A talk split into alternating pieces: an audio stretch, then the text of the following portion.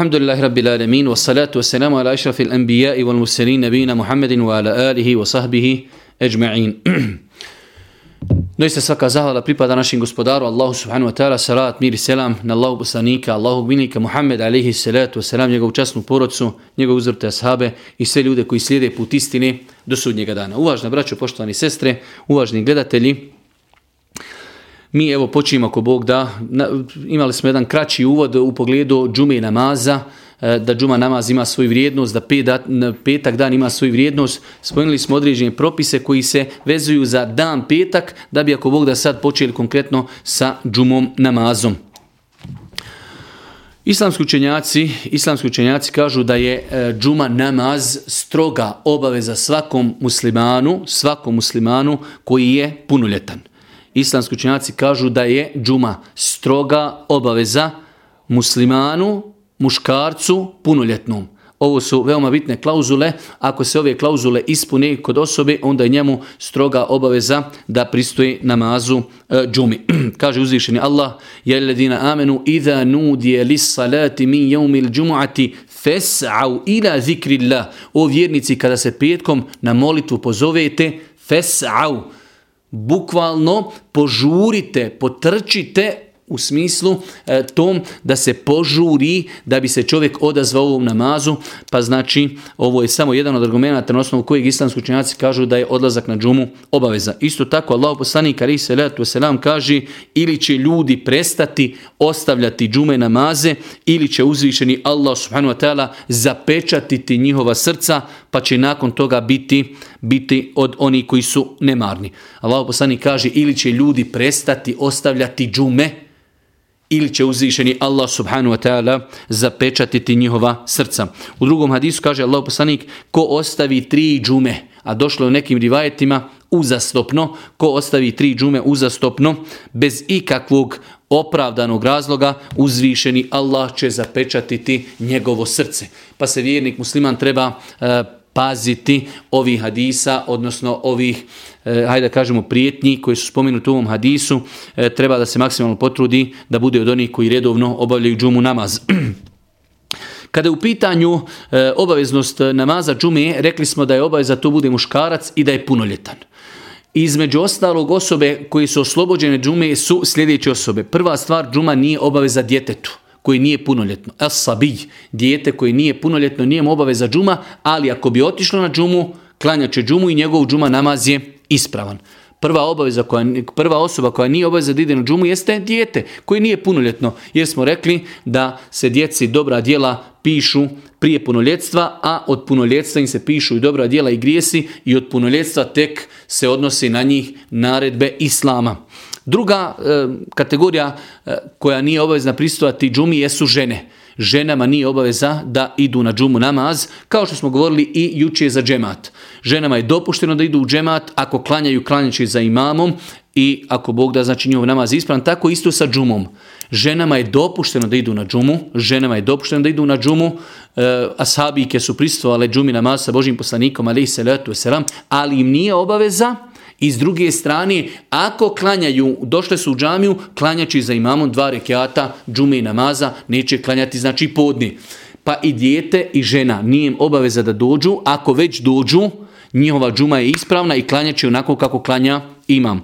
Treća osoba koja nije obavezna da dođe na džumu jesu robovi. Znači u vremenu kada su bili robovi, e, robu nije obaveza zbog e, drugi obaveza koju on ima, ali ako isto dođe, klanjaće džumu.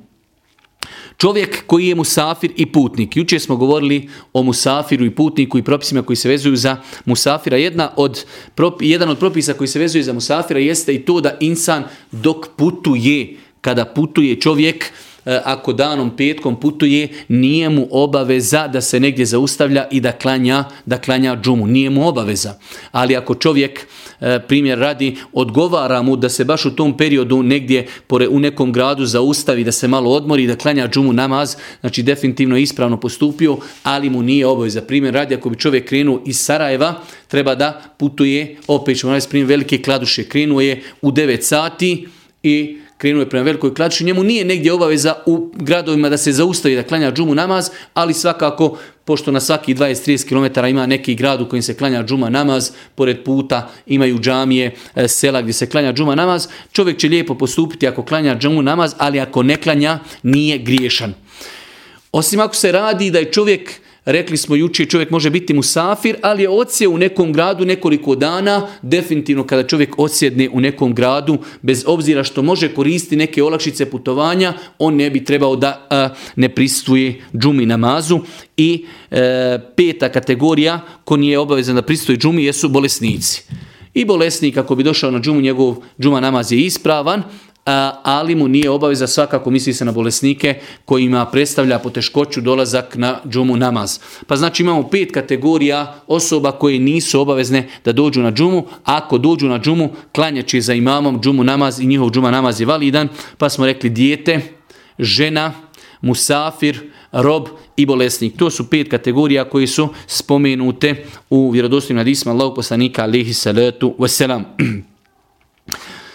Ako bi se desilo, ako bi se desilo da čovjek iz da li od ovih pet kategorija neko ne, ne dođe na džumu ili neko ne daj Bože nije došao na džumu zato što je preskočio džumu, tog dana mu je obaveza da klanja podni namaz. Znači, insan džumu namaz može samo klanjati u džematu. Ako nije prisutovao u džumu namazu zato što je jedan od pet kategorija kojima je dozvoljeno da ne klanjaju džumu namaz, žena će kod će klanjati podni, dijete će kod će klanjati podni, musafir će klanjati podni, e, rob će klanjati podni, e, bolesnik će klanjati podni. Znači svi oni koji ne dođu na džumu namaz, oni će klanjati, e, oni svi koji ne dođu na džumu namaz, on će klanjati podni namaz. Imamo znači dvije vrste, imamo ljude kojima je opravdan nedolazak na džumu, imamo ljude kojima je neopravdan, ali bez obzira što je njima neopravdan dolazak i što su griješni, oni moraju klanjati podni namaz. Kada smo govorili o propisima gusla i navodili smo e, koje su to situacije kada je obaveza da se čovjek okupa, pa smo naveli e, propis i kupanja petkom, pa smo kazali da je inšala biznila stav islamskih učenjaka, većinskog dijela učenjaka, da je pohvalno i lijepo da se čovjek okupa petkom za džumu namaz, ali rekli smo u jednoj klauzuli da ako bi se desilo da čovjek ima, e, znači da je radio neke teške poslove, znojio je se, neugodan miri se od njega, znači širi, u toj situaciji se možda moglo i kazati da je obaveza čovjeku da se okupa iz razloga da druge ljude ne uznemirava prilikom klanjanja, slušanja hudbe, pošto je džuma jedan veliki kongres okupljanja muslimana, pa znači dobro bi bilo da se ljudi e, svakako propis da se okupaju, da se namirišu, e, tako da e, osnova je da je sunneti lijepo da se čovjek okupa petkom, ali ako bi imao dodatni razlog, dodatni razlog zato što čovjek možda nešto je radio nečisto ili se mnogo znojio ili ili tada bi mogli možda i kazati da mu je obaveza da se okupa.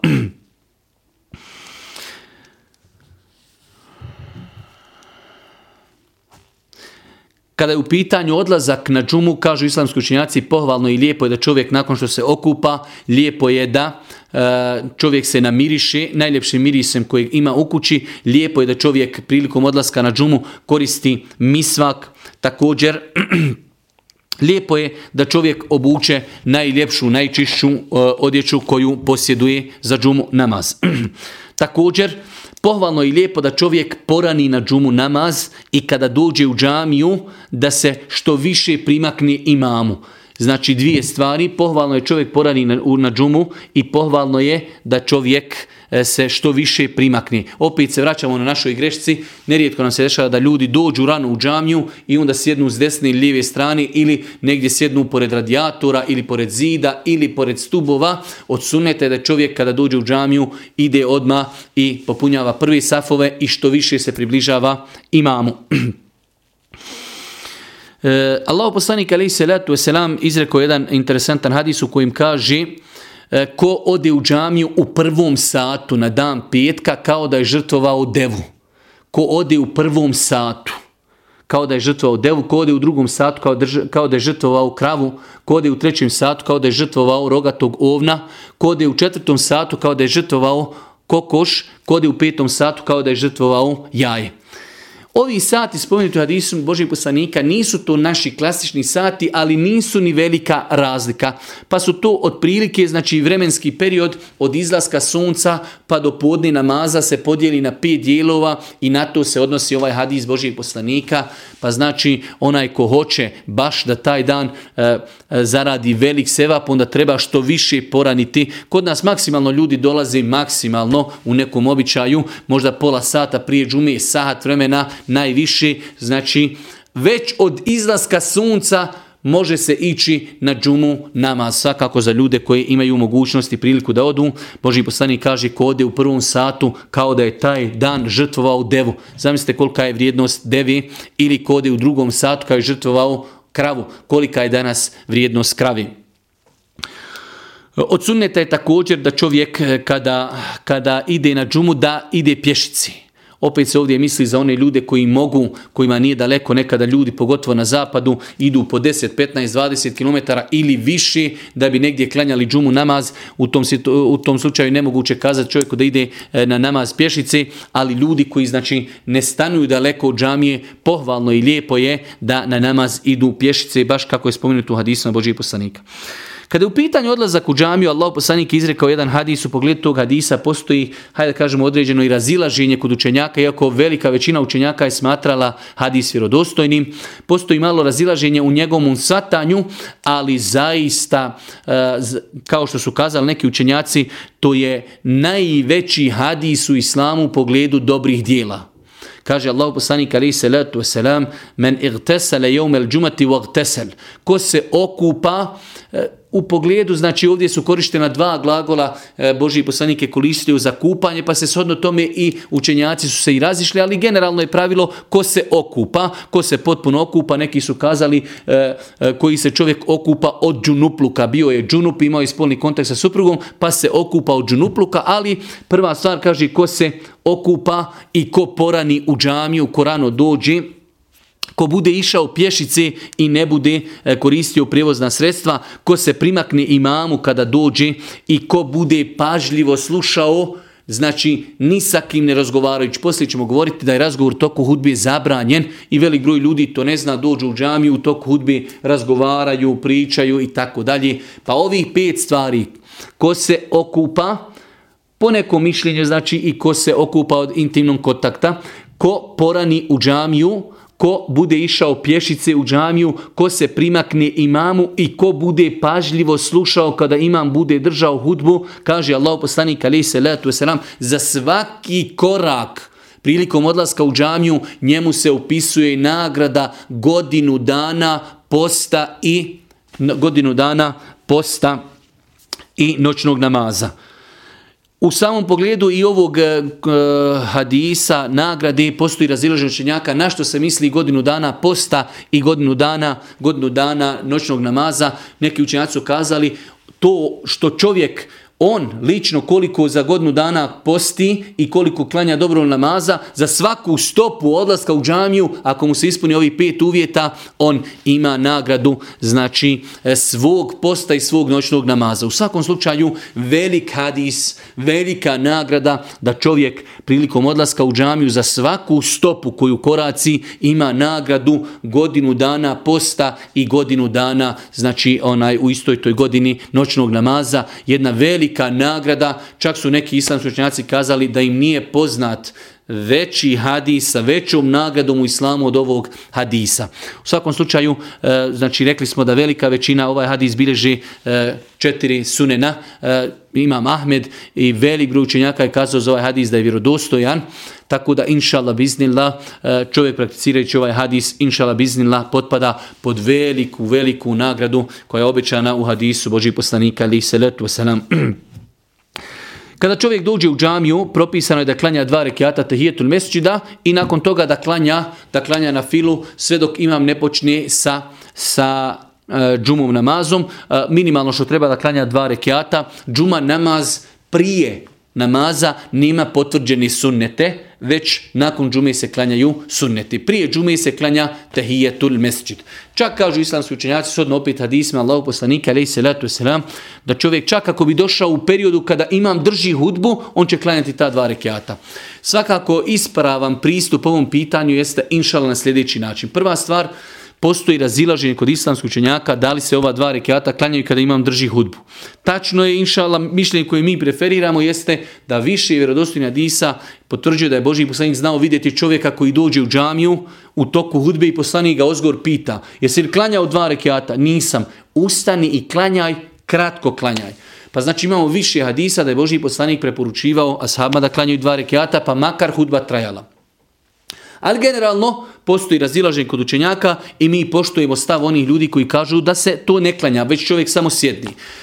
Ali s druge strane, ako znamo već da živimo u ambijentu gdje nekada ljudi na određene pojave reagiraju, hajde da kažemo, na način kako ne bi trebali reagirati, nešto iritira što ne bi trebalo iritirati, onda čovjek ako već i praktikuje taj sunnet, došao je, okasnio je, i imam drži hudbu, onda će se negdje sklonuti u čošak da ne smeta ljudima i da ih ne dekoncentriše u pogledu njihovog slušanja hudbi. Ja sam više puta gledao ljude dođu e, okasne u džamiju, dokasne u džamiju i onda stanu na sred džamije i tu klanjaju kao ta dva rekiata. Inšala, oni kao klanjanje njihovo nije problem, ali čovjek treba da uzme u obzir da ljudi tada slušaju hudbu, to njegovo klanjanje može ih dekoncentrat, pogotovo ako on ima bradu, ako smo zavrnute nogavice, ako diže ruke u namazu, tada on, kad bi samo sjeo, on je problematičan. A kamo li još ako klanja dva rekiata, tako da čovjek u takvoj situaciji treba se potruditi da se skloni negdje gdje neće biti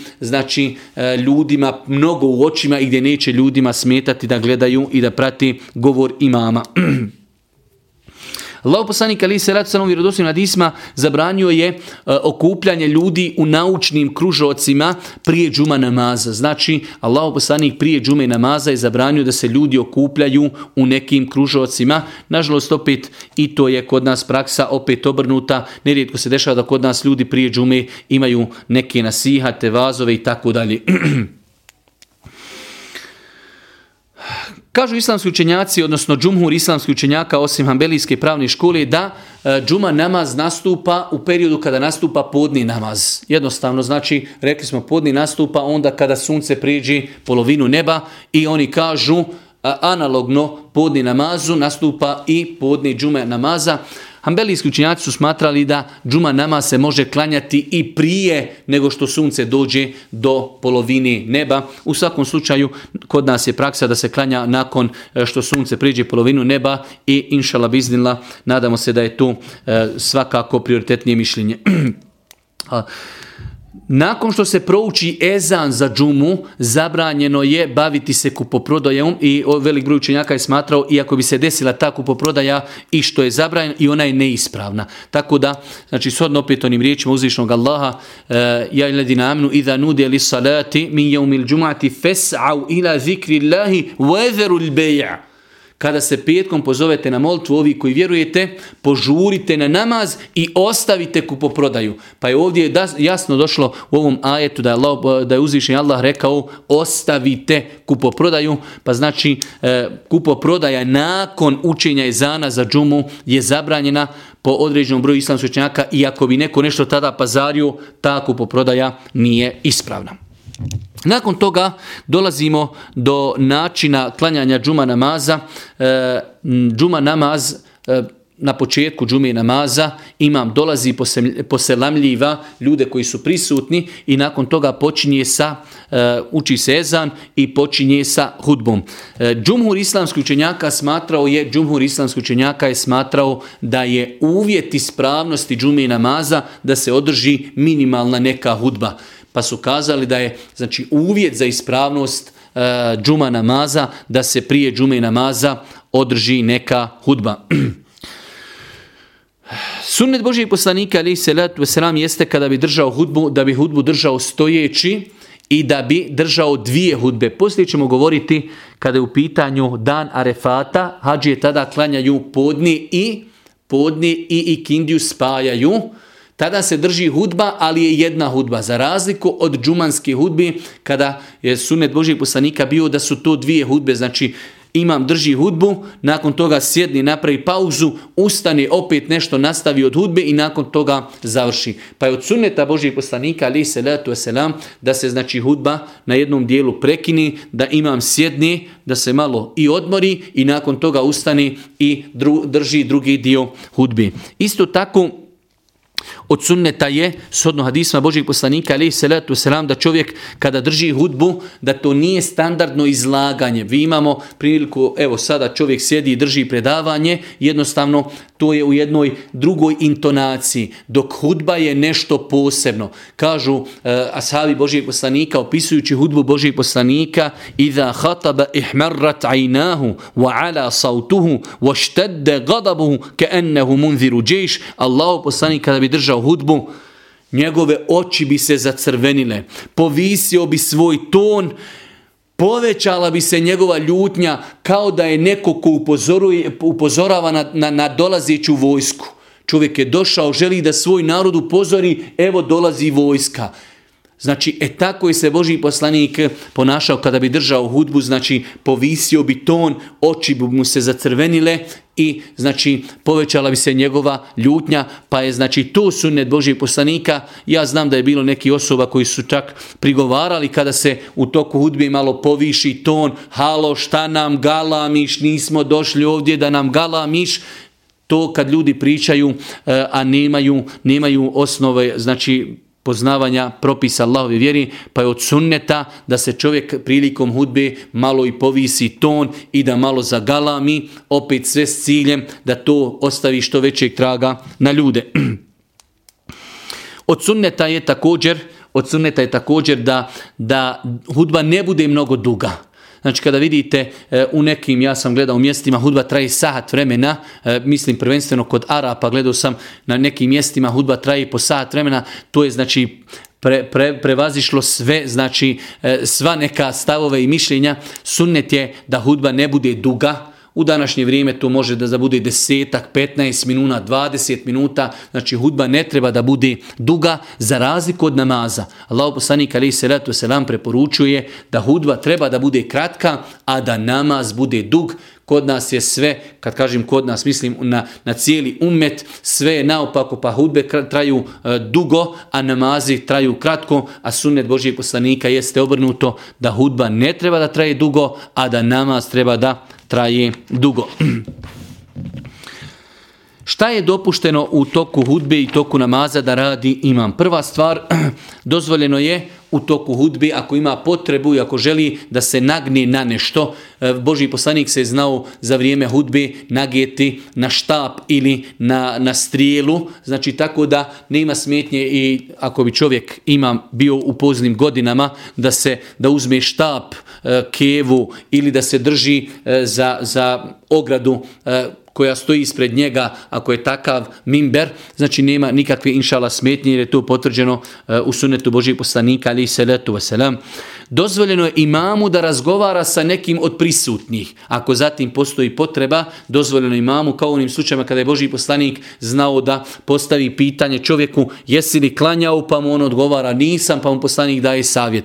Znači ako postoji potreba da imam sa nekim od ljudi razgovara to je dozvoljeno, a nije dozvoljeno da ljudi međusobno razgovaraju. Znači u više vjerodostojnih hadisa došlo je da je Allah poslanik zabranio da se razgovara u toku hudbe i ne samo razgovara, čak znači i manje stvari da se čovjek u današnje vrijeme uzme mobitel, u prijašnje vrijeme to je bilo da se igra sa kamenčićima, da se okreći, znači odsunete da čovjek pažljivo sluša hudbu, samim tim to i obavezuje onoga ko drži hudbu da tu hudbu pripremi, da bude nešto e, korisno, kratko, rezimirano, da ima neka pouka, samim tim e, i pažnja ljudi koji slušaju treba da bude znači usmjerena onome što se govori do te mjeri da znači čovjek ne treba u toku hudbe ni da dirne kamen, niti da razgleda, niti da nekome nešto govori, sva njegova pažnja treba da bude usmjerena u pravcu slušanja imama. Također dozvoljeno je, ako ima zatim potreba, a istoga ćemo uzeti jednu drugu e, pedagošku korist, a to je ako bi bila potreba neka da imam prekine hudbu, i da siđe nešto s mimberi, da nekom mi nešto pojasni, da se ponovo vrati, to je dopušteno. Za vrijeme Božih poslanika desilo se da je došao čovjek u toku dok je Božji poslanik ali se letu selam držao hudbu. Pa je došao i kazao Ređulun garibun džae jes'elu an dinihi la jedri ma dinuhu. Kaže čovjek Allahu poslaniće, ja sam čovjek garib, čovjek znači stranac sam, nisam jedan od vas. Došao sam da pitam o vjeri, ne znam svoju vjeru. Pa je Allah poslanik sišao sa Mimberi, donijeli su mu malu stolicu i sjeo je sa njim u čošak. Pa mu je pojašnjavao propise vjeri, je pojašnjavao nakon toga, ponovo se popeo na Mimber i završio hudbu. Pogledajte ovdje, pogledajte ovdje metodu Božijeg poslanika da je bio spreman da prekine hudbu da bi ispunio obavezu pojedinca jednog čovjeka. Zamislite danas e, nevezano za imama, mi koji slušamo hudbe, kako bi se mi osjetili da imam kaže čekaj, no neko me nešto zove, treba mu nešto pojasniti. Kako bi mi reagirali, a pogledajte ashabe Božijeg poslanika, ali se letu selam, donijeli su poslaniku stolicu. Evo poslaniče, sjedi, poduči čovjeka vjeri, nakon toga se vratio Božji poslanik, pa je završio hudbu. Pa su islamski učenjaci istoga uzeli propis, ako bi imam imao potrebu da prekine hudbu, da siđe, da nekom je nešto pojasni, da nešto odgovori, nakon toga da se vrati, sve to inša ispravno.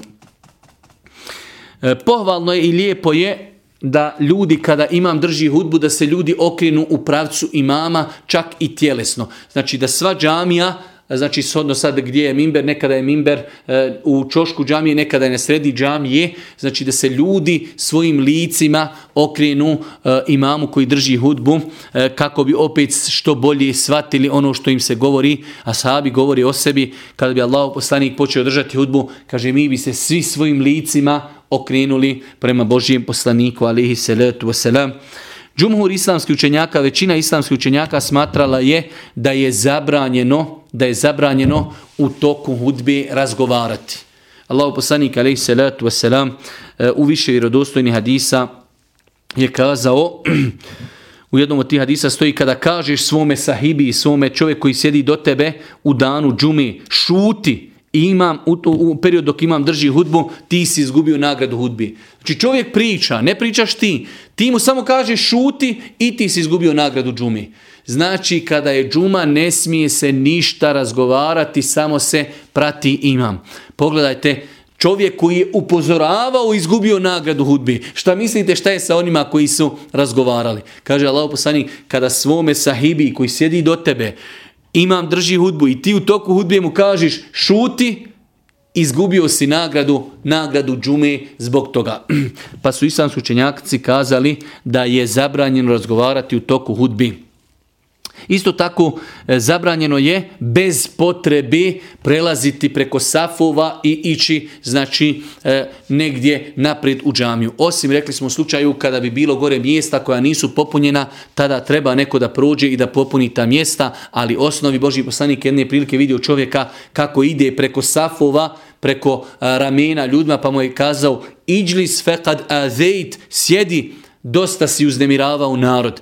Pa znači čovjek vjernik, ako je već, hajde da kažemo, toliko sljedbenih sunneta, trebao bi na vrijeme da dođe da zauzme sebi mjesto u prvom safu. Ali moramo znati, ako mi zakažimo i ravnamo se oko vrata, pa ostane po sredini džamije praznih mjesta, onda ljudi imaju pravo da prelaze preko safova kako bi popunili ta mjesta, jer ne postoji drugi način.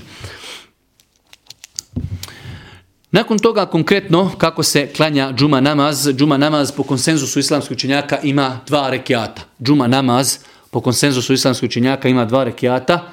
Rekli smo da je džuma namaz zaseban namaz. Nije to zamjena za podne, već je to zaseban namaz i shodno tome džuma se ne može spojiti, makar čovjek bio musafir, ne može se spojiti sa ikindijom jer to nije zamjena za podni namaz. Rekli smo, znači, po konsenzusu islamskih učenjaka e, klanja se dva rekiata.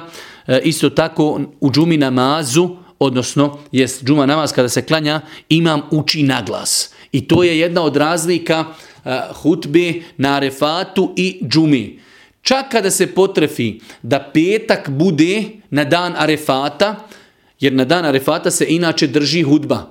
Pa se desi da je petkom dan Arefata, na Arefatu znači se klanja podnije i kindija e, spojeno i skraćeno isto tako za musafire, a znači e, hudba se drži samo jedna hudba i to je arefatska hudba, nije džumanska hudba i na tom podni namazu se uči u sebi. To je razlika, znači na arefatu podni namaz uče, uči se u sebi, a džuma namaz kada se klanja nama se klanja na glas. Znači prva stvar koju treba, čovjek vjernik treba da zna, džuma namaz je dva rekiata i učenje na džumi namazu je na glas. Govorili smo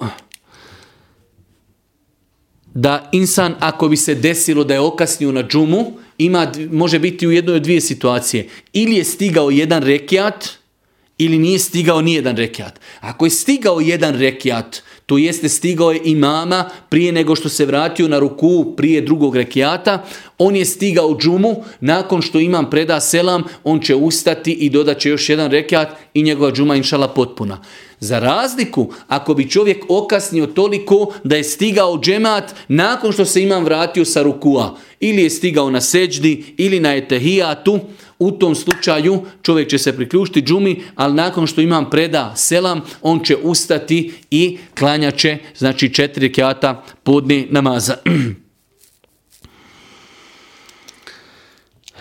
Kada su u pitanju na file nakon džumije namaza, islamski učenjaci imaju, ajde da kažemo, e, nekoliko različitih usmjerenja. Zabilježeno da je Allah poslanik znao nekada klanjati u kući nakon džumi namaza dva rekiata, a zabilježeno je da je rekao ko hoće da klanja džum, poslije džumi namaza sunnete neka klanja četiri. Pa imamo dva hadisa, u jednom stoji da je poslanik kod kuće klanja u dva, a da je govorio ljudima ko hoće da klanja neka klanja četiri. Pa su kazali islamski učenjaci, imamo dvije situacije, ili ćemo ćemo kod u džami klanjati četiri ili ćemo kod kuće klanjati dva.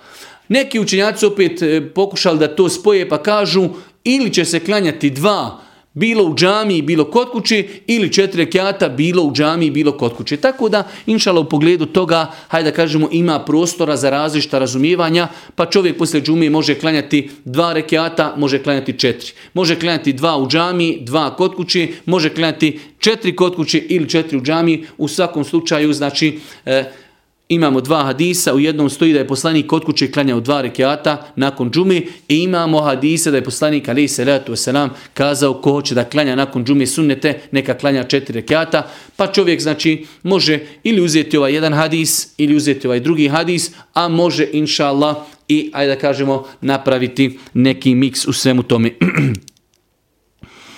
Kada u pitanju ono što je poznato kod određenih ljudi, a to je klanjanje podne namaza nakon džume, to nema svoje nikakvo utemeljenje, to je ičtihad određenih učenjaka e, koji je nastao opet kao plod jednog drugog fikskog pitanja, to je ako se u jednom mjestu klanja više džuma, u svakom slučaju, generalno gledajući na praksu vođeg poslanika, takav stav znači nema svoje utemeljenje, pa smo rekli čovjek nakon džume namaza, nakon džume namaza ili će klanjati dva rekiata ili četiri, ali ponavljati podni namaz, znači nema nikakve, nema nikakve osnove.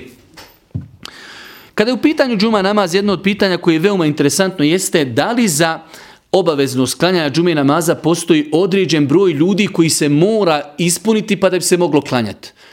O čemu se radi? Znači imamo učenjake koji su postavili određen broj ljudi što znači ako ne bude toliko ljudi oni kažu neće se klanjati džuma namaz. Pa primjer radi imamo mezheba koji su kazali 30, 40 e, ljudi. Kod njih ako bi bio, znači imam i 20, 38 e, ljudi, imam 39, oni neće klanjati džumu. Oni klanjaju podni namaz i odoše kući. Jer su postavili uvjet 40.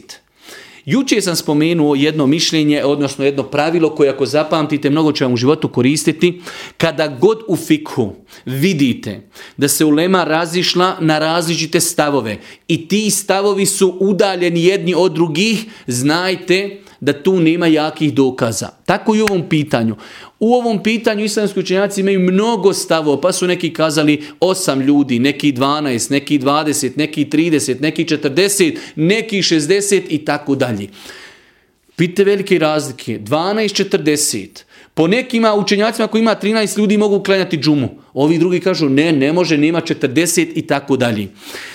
Ako pogledamo sunnet Božijeg poslanika i njegove dokaz, eh, hadise i pogledamo Kur'an, vidjet ćemo da ne postoji dokaz jasan i vjerodostojan da uvjetuje određen poseban broj ljudi za džumu. Džuma se ne razlikuje u ovom pitanju od džemata običnog. Pa smo juče preferirali mišljenje da dvojica ljudi čine džemat, isto je tako i za džumu. Neki učenjaci savremenog doba kao što je šehu Semin, šeh Bin Baz, smatrali su da čovjek, e, da je minimalno trojica ljudi potrebno za džumu, imam i mu jezin i jedan e, džematlija, trojica ljudi. Ali u svakom slučaju, znači, ne postoje dokazi koji uvjetuju 10, 12, 40, 60, 70, ne postoje takvi dokazi, tako da u datom momentu, u datom momentu, e, nedavno sam slušao govor našeg šeha Abdurrahmana Kuduzovića kada navodi primjer da je slušao jednog efendiju e, iz Bihaća, da je efendija znao prije rata izići u grad i molit ljude samo hajde nek jedan čovjek uđi pa da možemo klanjati džumu namaz. Znači, pazite, e, to su praktična pitanja. Može se desiti da nema džemata.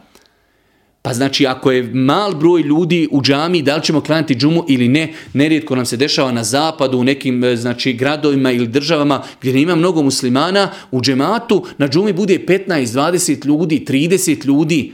Pa po nekom stavu neki meziva ti ljudi neće klanjati džumu, već će klanjati podni, što je neispravno, jer ne postoji dokaz koji uvjetuje da mora biti određen broj ljudi, već džuma po konsenzusu islamskih učenjaka može se klanjati samo u džematu. Ne može se klanjati da čovjek sam za sebe klanja džumu. A ako moramo imati džemat, onda minimalno treba da imamo dva ili evo tri čovjeka. Sve mimo toga, znači podrazumijeva se da se klanja džuma namaz.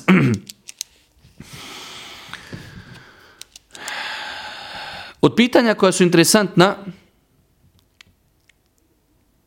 vezano za džumu jeste nešto što se ponavlja počesto, a to je da se desi da džuma i bajram namaz budu u istom danu. Džuma namaz, džuma namaz i bajram budu u istom danu. Imamo vjerodostojne hadise u kojima Allah poslanik ali se letu selam nakon bajrama kazao ovo je dan u kojem su se objedinila dva praznika. Praznik bajrama i praznik džume. Pa kaže Allah poslanik ko hoće ovaj dolazak na Bajramu je dovoljan za džumu. Pa su kazali islamski učenjaci, velik broj islamskih učenjaka, opet shodno ovim hadisima, vjerodostojnim hadisima, da znači ako se desi da je džuma e, e, petkom Bajram, da je Bajram petkom, oni koji dođu na Bajram, nije im obaveza da dođu na džumu. Svakako, njima je obaveza da klanjaju podni, klanjaće ga ili kod kuće sa svojom porodcom ili negdje znači u nekoj džami gdje se ne klanja džuma, ako dođu na džumu svakako da je to dobro, ali govorimo da li im je obaveza. Ja znam koliko puta se dešavalo da ljudi kada je Bajram i petkom bude velika je olakšica nekim ljudima da im kažete ne morate doći na džumu, da bi ljudi mogli otići zaklati kurbane, da bi ljudi mogli otići, e, putuju prema svojim porodicama, e, da posjete e, svoju rodbinu i tako dalje, pa je olakšica da ljudima kažeš ne moraš u toku jednog dana dva puta dolaziti na neku manifestaciju, jer i Bajram je u jednu ruku manifestacija i džuma je manifestacija gdje čovjek treba da se okupa, da se sredi, da dođe ranije, velike su guže i tako dalje. Pa je Allahov rahmet i Allahova milost da kada se desi da je Bajram i džuma u istom danu, oni koji dođu na Bajram nije im obaveza da dođu na džumu. Ako dođu na džumu, alhamdulillah, dobro došli, ali im nije obaveza. I velika je olakšica nekim ljudima kada ne moraju doći. Opet u pogledu ovog pitanja postoje velika razilaženja. Ovaj hadis koji smo citirali vjerodostan. Ja kada sam prošle godine napisao taj stav na Facebooku, neki ljudi samo što me nisu ispalili na Mars, ovo su moji stavovi zasnovani na hadisima Božijeg poslanika. Ja respektujem i poštujem osobe koji kažu mora se doći na džumu. E, znači ja imam dokaz za sve što govorim. Tako da e, postoji jako razilaženje među islamskim učenjacima Ovaj hadis Božijeg poslanika je više nego vjerodostojan da poslanik nakon Bajrama rekao ovo je dan u kojem su se objedinila dva praznika i Bajram i Džuma, oni koji su došli na Bajram, to im je dovoljno i za Džumu namaz. Tako da, a poslanik je za sebe rekao, a ja ću doći. Pa je obaveza imamu da dođe i na jednu i na drugu, znači hudbu i na Bajramsku i na Džumansku, ali ljudi koji su bili na Bajramu ne moraju doći na Džumu, ali svakako svakako moraju klanjati podni namaz. I za kraj, ako Bog da, i za, pra, za kraj, rekli smo, e, ako se desi, ako se desi, isto, znači imamo jedno pitanje, e, ako se desi Bajram i džuma, isto tako ako se desi dan arefata i džuma. Ako se desi dan arefata e, da bude džumom, hađije neće klanjati džumu. Hađije neće klanjati džumu, već će klanjati podne i kindiju zajedno, znači spojiće namaze. Pa kada su ljudi na arefatu, ako se potrefi da je dan arefata petak, ljudi koji su na refatu klanjaće, znači podni namaz onako kako je zabilježeno od Božijeg poslanika, da je znači spajao namaze i da je kratio namaze E, u ovoj situaciji. E, hudba koja se drži tog dana je arefatska hudba i ona se razlikuje od džumanske hudbe u nekoliko stvari. Prvo razlikuje se e, zato što je to jedna hudba i razlikuje se u tome da nakon hudbe se klanja podne koji se uči u sebi, a u džumi namazu, rekli smo, e, drži se dvije hudbe, i nakon hudbe se klanja džuma koja se uči na glas. Pa je to, na osnovu toga su islamski učenjaci e, spomenuli razliku u ovom propisu. Stvar koju smo već nekoliko puta spomenuli indirektno, ali evo time ćemo završiti zadnje pitanje, a to je ako bi čovjek bio musafir i klanjao je džumu namaz, ne može spojiti sa džumom namaz i kindiju. Postoji i u pogledu toga e, učenjaka koji su to dozvolili, ali inšala vi zna, tačno je da je džuma namaz zaseban namaz, nije to zamjena za podne, već je to zaseban namaz. Oni osobe koji ne mogu klanjati džumu namaz, oni će klanjati podne, ali insan koji je klanjao podne za ima, e, klanjao džumu za imamom, ne može spojiti kindiju, treba da čeka i kindiju namaz, pa će klanjati kindiju namaz u njenom vremenu. Za kraj e, nekoliko kratkih obavještenja za one koji su sada slušali ovo predavanje. E, večeras je ovo naš posljednji ders, pravimo ako Bog da pauzu do 1. februara. Mi ako Bog da za nekoliko dana imamo imamo plan da putujemo u sveta mjesta, da dole malo napunimo baterije. Nadamo se da nas nećete, e, da se nećete razočarati zbog toga. E, Allah samo zna koliko ja lično mi je žao što moramo prekinuti ovaj naš e, serijal emisija. Svakako odlazak na umru je bio već davno dogovoren, a da nije dogovoren zaista dao bi prednost zimskoj školi Islama i nad umrom. Znači mi se ako Bog da bi iznila noćas opraštamo, imate vremena da ove dersove koji ste, koji su prošli, da ih prepišete, da ih naučite, da ih ponovite. Mi se, ako Bog da vidimo, 1. februara, mislim da će to biti petak. U svakom slučaju e, imamo dosta vremena e, da ponovimo i naučimo ovo što smo prešli. Mi ćemo se, inša Allah, javiti nekada ozdol. Subhaneke Allahume bihamdike, šedun la ilaha ilan stakfiruke, ve tubu ilik. Oh